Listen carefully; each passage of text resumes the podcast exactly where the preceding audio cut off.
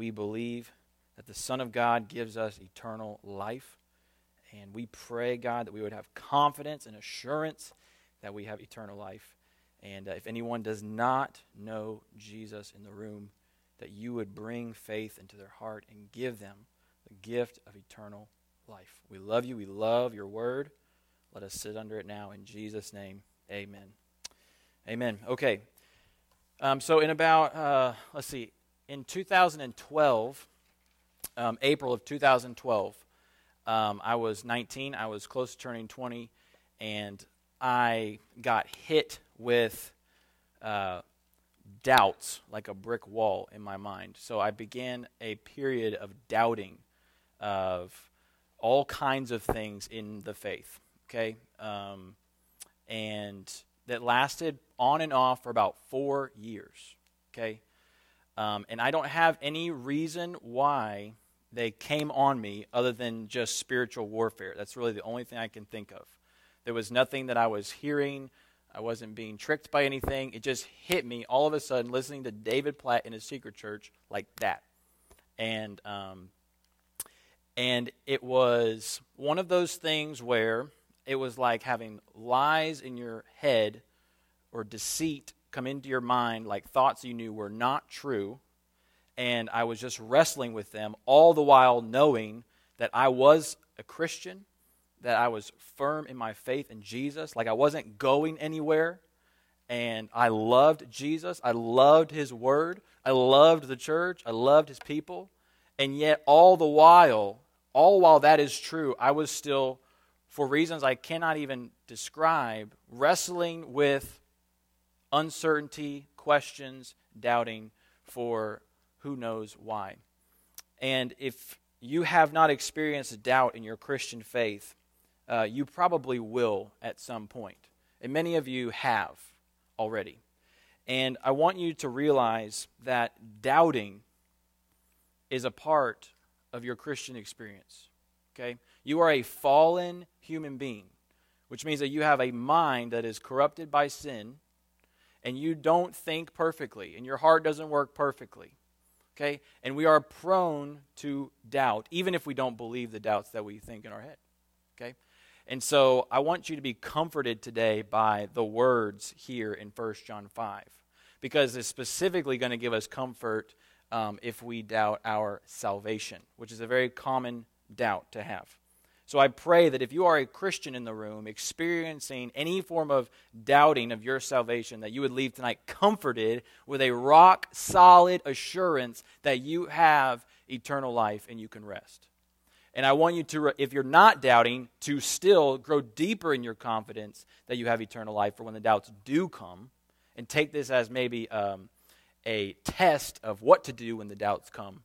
And then if you hear the message and you are not sure still, if you do not have faith in Jesus alone for salvation and for eternal life, then my prayer and my invitation to you is that you would receive Jesus today. Okay? So, uh, the point today is really, really simple. It is that followers of Jesus have assurance of eternal life. That's our main truth tonight. So we're going to do, we're going to read the passage a little bit differently than we would have normally done it. Uh, we're going to read it in pieces as we go. Okay? So we're going to have uh, the first point will be our purpose point, and then from there, points two through five will be four ways that we can be assured that we have eternal life. Okay? So I want us to begin by reading in the middle of the chapter at verse 13. Okay, so everybody look at me at verse 13. It says this I write these things to you who believe in the name of the Son of God. So he's writing to Christians, right?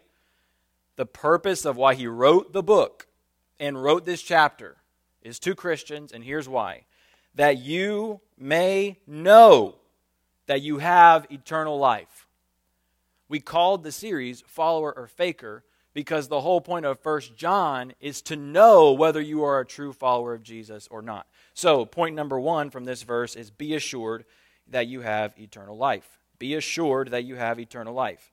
Okay, this is the truth of First John. It is the truth of the message of the Bible that in Jesus is eternal life and in Him alone. And so I want you to see a couple of things from this first point. First, God wants believers to have an unshakable confidence that you have eternal life. Okay, so look in 13 again. It's, it does not say, I write these things so that you may hope to have eternal life.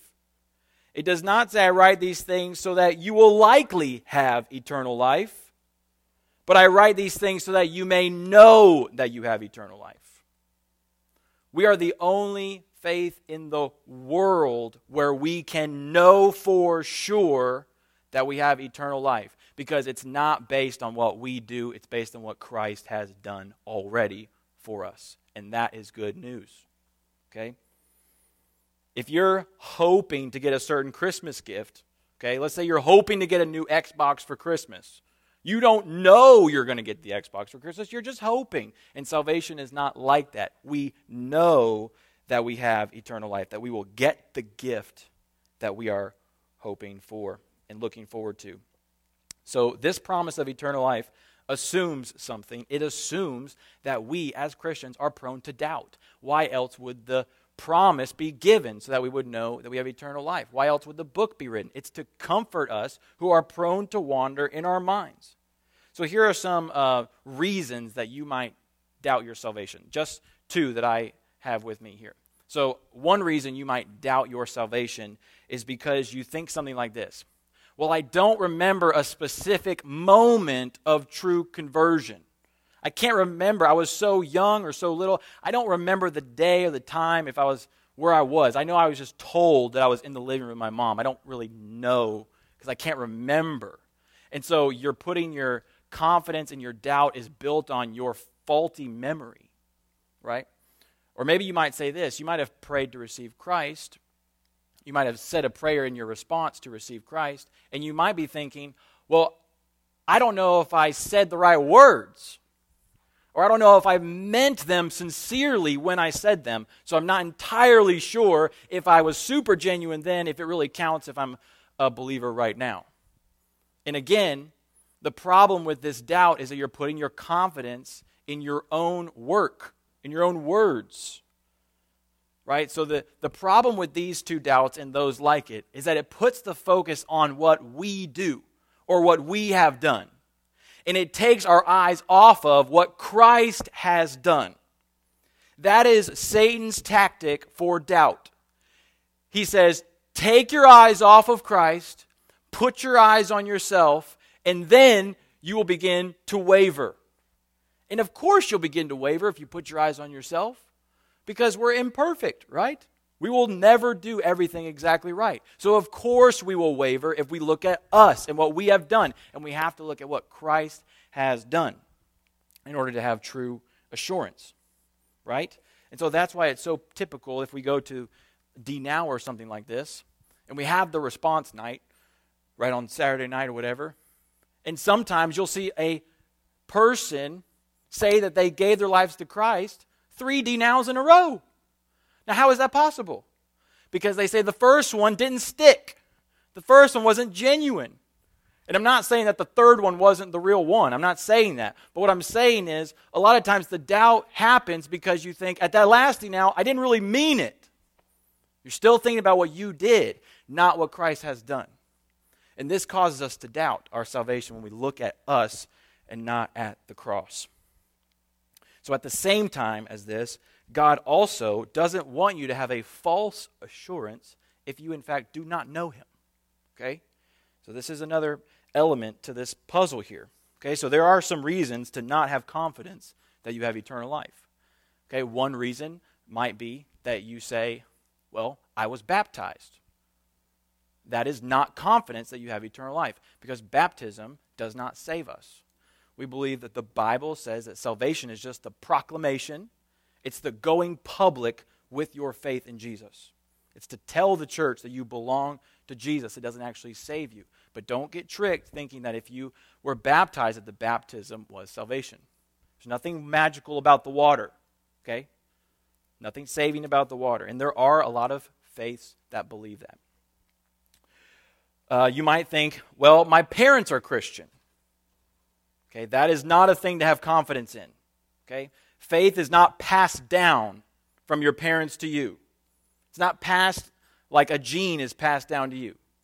Okay, so my kids, four of the five have bleach blonde hair. Okay, four of five. And the fifth one is probably going to wind up with blonde hair. Okay, I'm pretty confident, fairly confident. They did not get that from me, obviously. They got that from mama. Renee is blonde. They all got the blonde gene. It's a pretty strong gene. And it was passed down. Faith is not passed down like that. Okay? You are responsible for your sin. Your parents are not responsible for your sin. You are responsible and you are called to respond to the gospel with repentance and faith so that you will be saved. You must know this. Do not hang on to the fact that you come from a Christian family. If you say that on Judgment Day, Jesus is going to say, I don't know who you are. You have to respond with repentance and faith to Jesus. So, this is the good news, right? Because the good news is that everyone can respond to Jesus. This is John 3:16. This is the greatest Christmas verse of all time.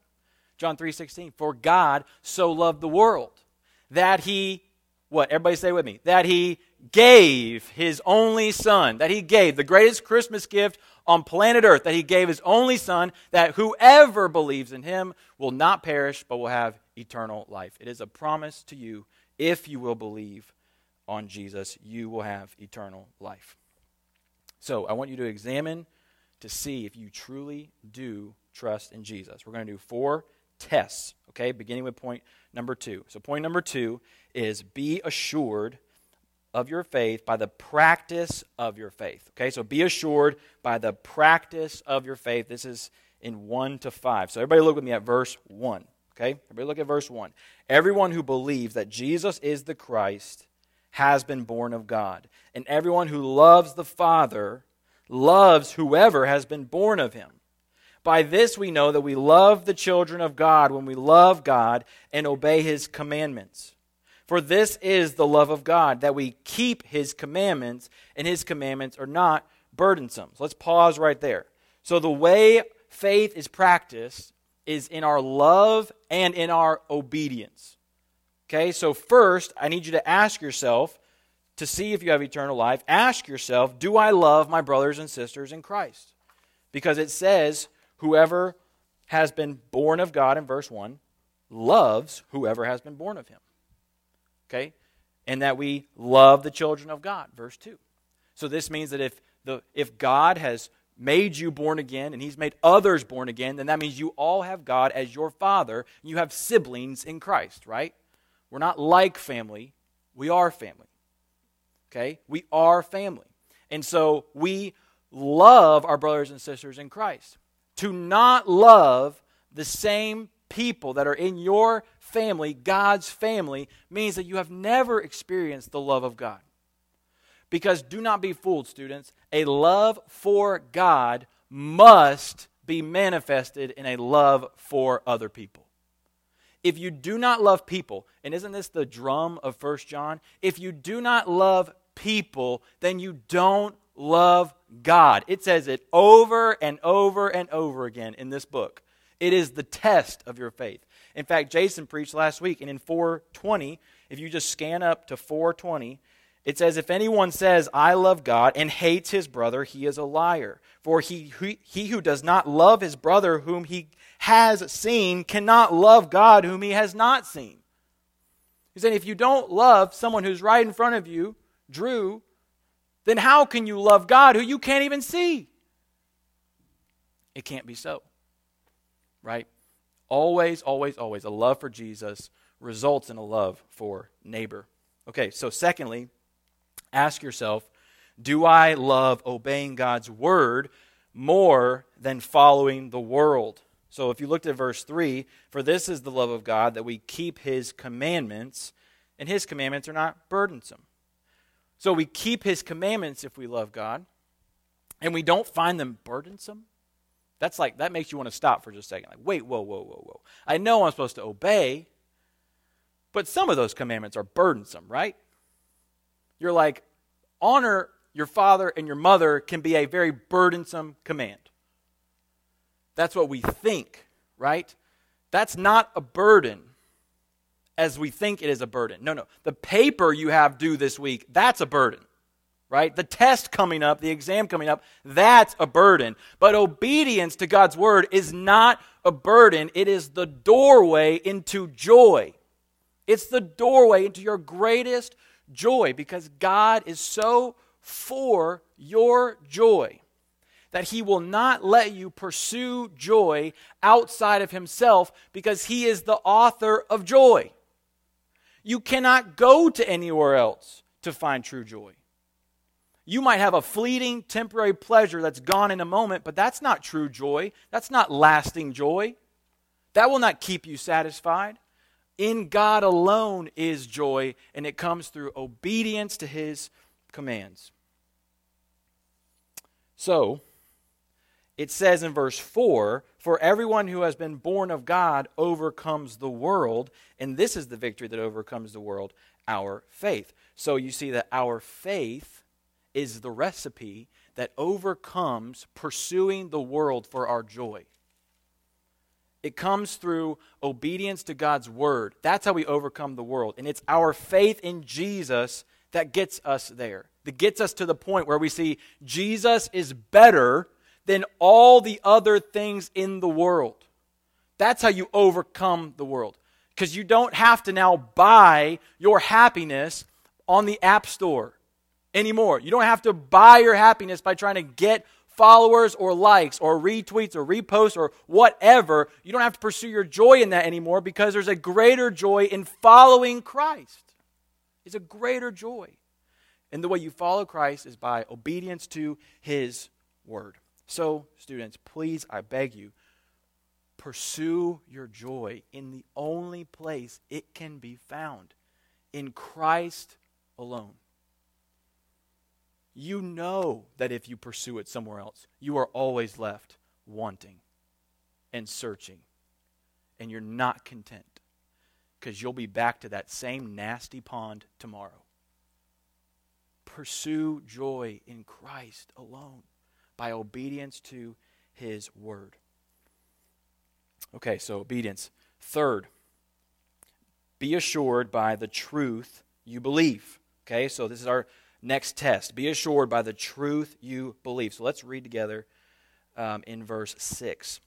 This is he who came by water and blood, Jesus Christ. Not by the water only, but by the water and the blood. And the Spirit is the one who testifies, because the Spirit is the truth. For there are three that testify the Spirit, the water, and the blood, and these three agree. If we, if we receive the testimony of men, the testimony of God is greater. For this is the testimony of God that he, who has, that he has borne concerning his Son. Whoever believes in the Son of God has the testimony in himself. Whoever does not believe God has made him a liar because he has not believed in the testimony that God has borne concerning his Son. Stop. So this is this is a lot going on here. We said water, blood, spirit, and all of you got lost all of a sudden. Okay, so we're going to unpack this very quickly. All right. First question we need to ask ourselves about assurance is do we believe God's testimony about his son? That's what we're at here, okay? Do we believe what God says about his son? He gives a threefold witness to who his son is water, blood, spirit. What are we talking about here? he gives us the example of water. God testifies that Jesus is who he is through water, and it's a reference to his baptism. In Matthew 3:15, if you were to flip there, which you do not have to, but if you were to flip there, you'll see Jesus being baptized to be fully identified with the people he's coming to save. And at his baptism, God the Father speaks from heaven and says, This is my beloved Son, with whom I am well pleased. And people can hear him. So he's bearing witness this is his son. The blood is a reference to the cross, where Jesus shed satisfying blood on your behalf for sin. But it's God's witness concerning his son because God is pouring out his wrath for your sin on his son. He is bearing the punishment that you and I deserve for our sin on himself as a spotless, sinless sacrifice and payment for you and me. And it's God declaring This is what you deserve, and I'm putting it on my son. The cross bears witness to the son. And then lastly, the, the third one is the Spirit. So the Spirit is the revealer of truth. You see that in verse 6. The Spirit is the truth, right? And so the Spirit is the revealer of everything that is true about Jesus. In John 16, 13, Jesus says that the Spirit will come and he will guide you into all truth. Okay, so when you open your Bible and you read, it is the Spirit who bears witness to who Jesus is. It is the Spirit's job description to glorify Christ and to make him known, okay, to you. So the reason you believe in Jesus is because the Spirit has shown him to you, and God has sent the Spirit to bear witness to his Son. And so all three of these things agree. Jesus is the Son of God who gives eternal life. And if you have three witnesses in a courtroom, you pass. Okay? It only takes two witnesses. Okay, so God has th- a threefold witness, and He wouldn't even need all those witnesses because He's God. And He goes above and beyond and gives us, boom, boom, boom, this is witness to who my Son is. Okay? Do you believe what the Bible says about Jesus? And if you do, that is essential to saving faith. You cannot be a Christian if you do not believe what the Bible says about Jesus. Or do we believe, this is the second part of this, or do we believe the world's testimony concerning the Son? So if you see in verse 10, it says, Whoever does not believe God has made him a liar. Okay? The world says about Jesus, oh, he's just a good man, but he's not God. He's a great teacher, but he's not God. Jesus is just a myth, just a legend. Jesus didn't rise from the dead. That didn't happen. The disciples made that up. The world will tell you this, okay? Do not buy the lie. Do not get deceived into doubting by their tricks.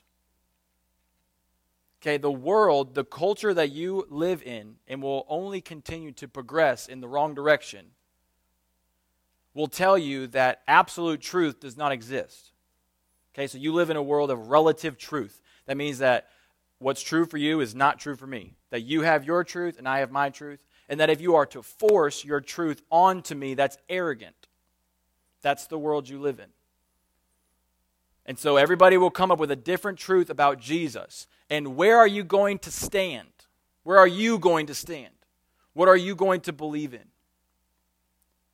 Because God has given us a testimony concerning his son.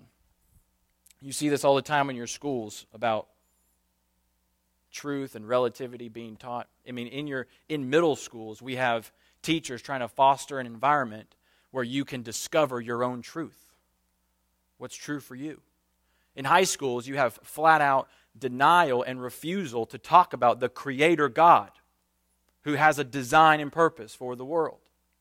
That's the world that you live in.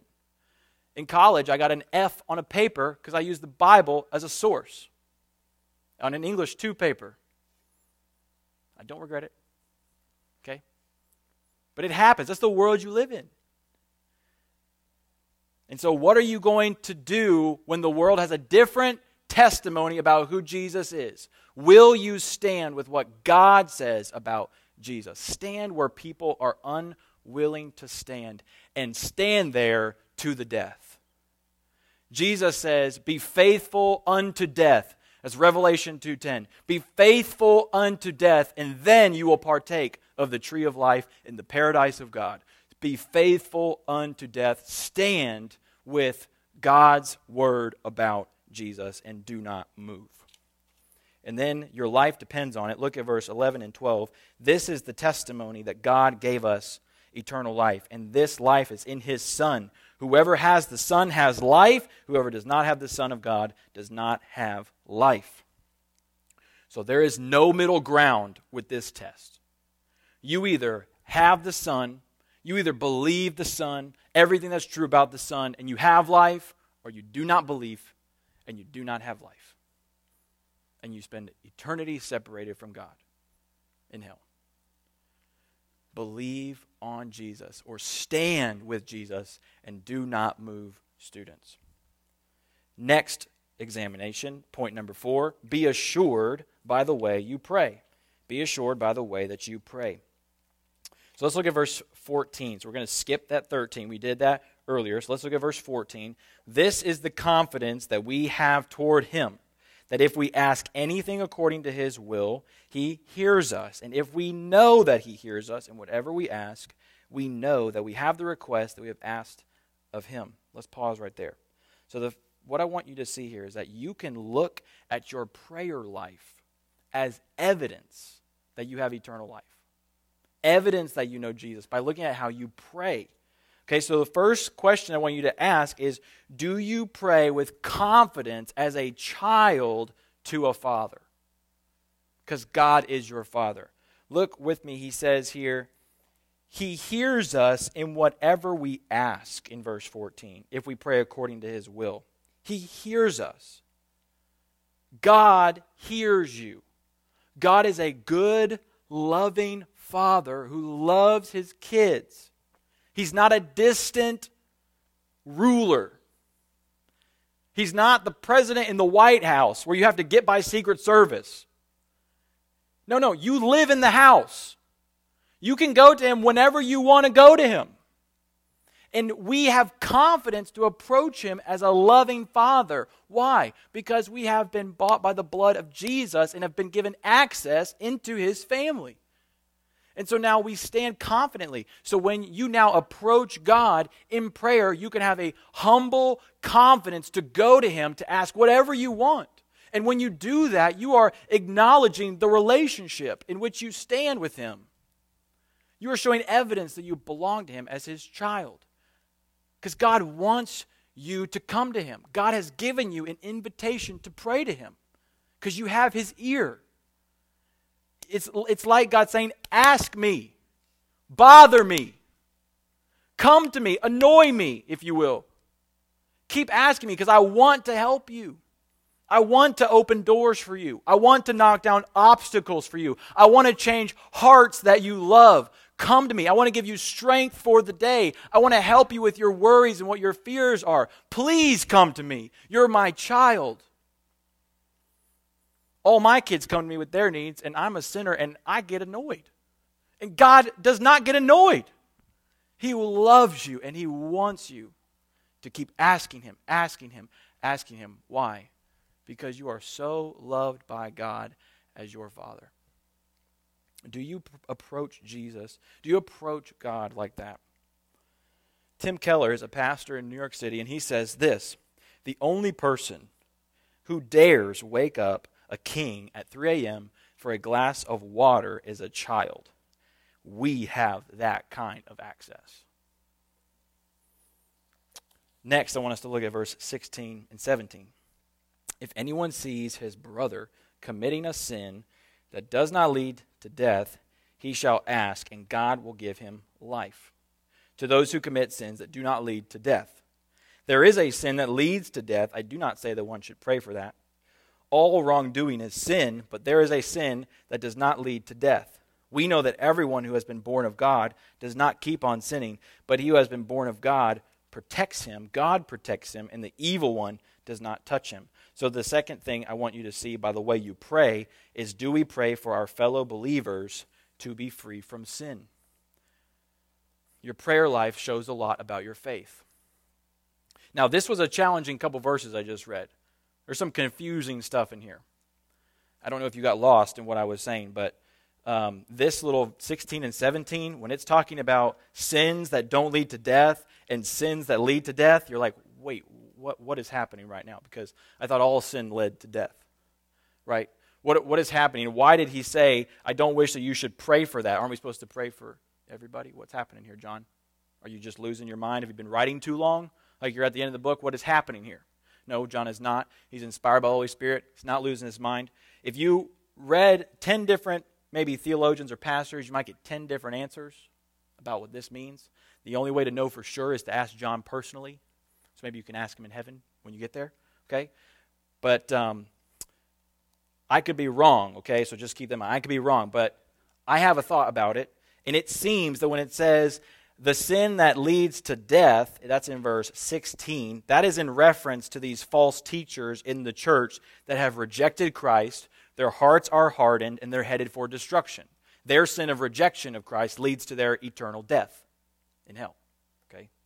And John is he's not saying don't pray for them. Okay, that's not what he's saying.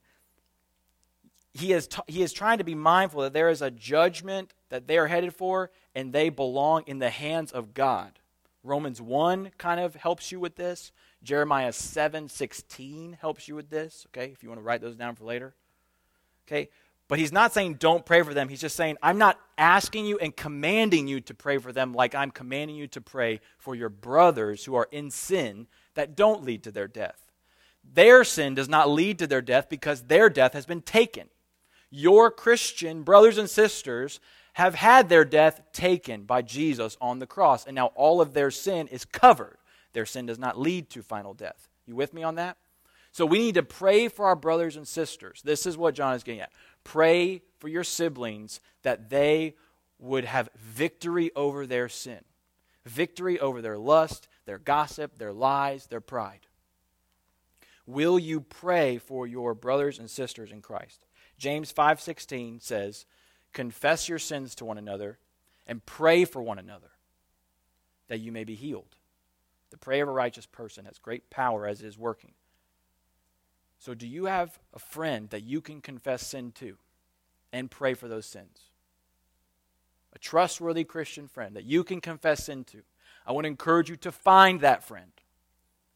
And then pray for their sins, that they would have victory over them so that they don't get carried away by them and destroy their soul, but that they will walk in the eternal life that God has given them. Are you that friend for someone else? Will you be that friend for someone? where someone can pray for your sins. I want to encourage you to find that friend and to be that friend for someone else. If I read a transcript of your prayers over the last week, let's just say we threw them up on the screen. Okay? Some of your eyes got real big above your mask. Let's say we threw your prayers up on the screen. What would we find? Would we find a heart that loves Christ, that loves your neighbors, that loves your friends? Would we find the screen empty? Or would we see a heart that loves yourself? What would we find? Because your prayer life demonstrates your faith. Your prayer life is a testimony of your faith in Jesus. I'm not saying we're perfect prayers in the room. We all struggle with prayer. And we all struggle how to pray. But we need to be growing in a, in a love to pray for what God loves and to pray for our friends and our neighbors that they may have victory over their sin.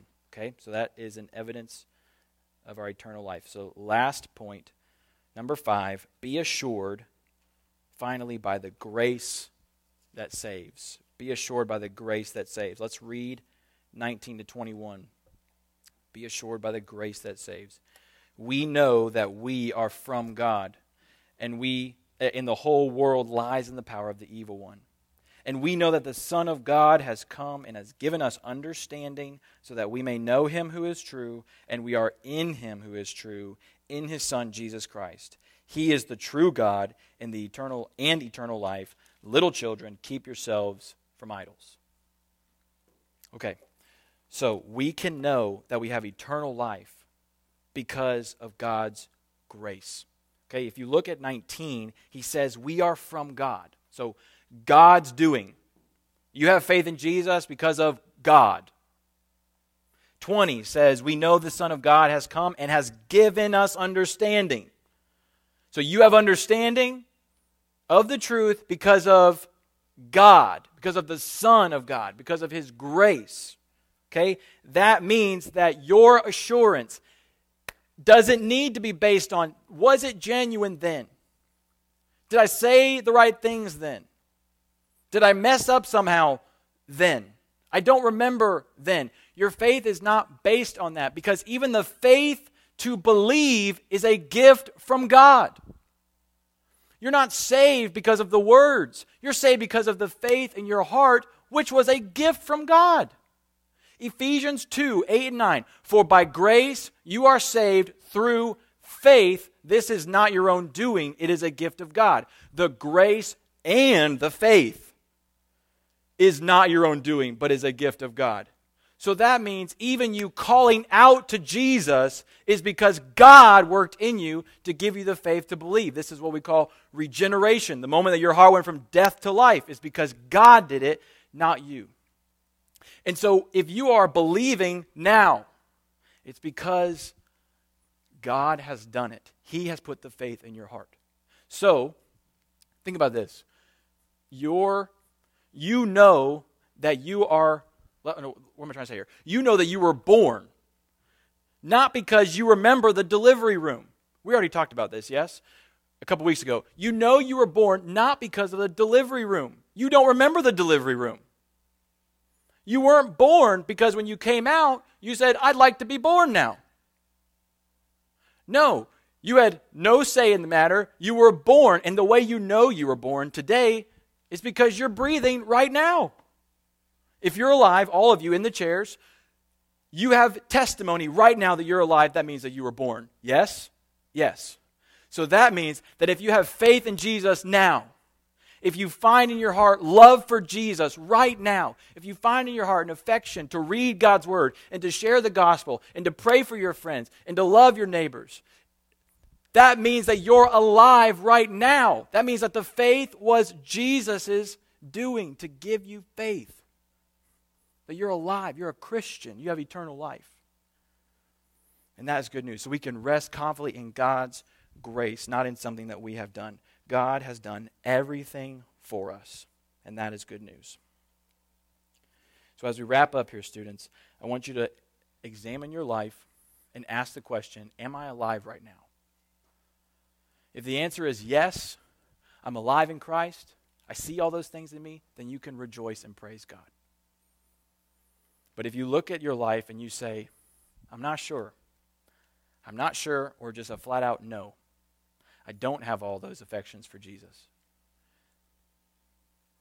then the invitation is for you to believe on Jesus. Jesus has lived perfectly where you failed. He died to pay for your sin, and He rose again to give you eternal life. And if you will believe, you can be saved. That's the gospel.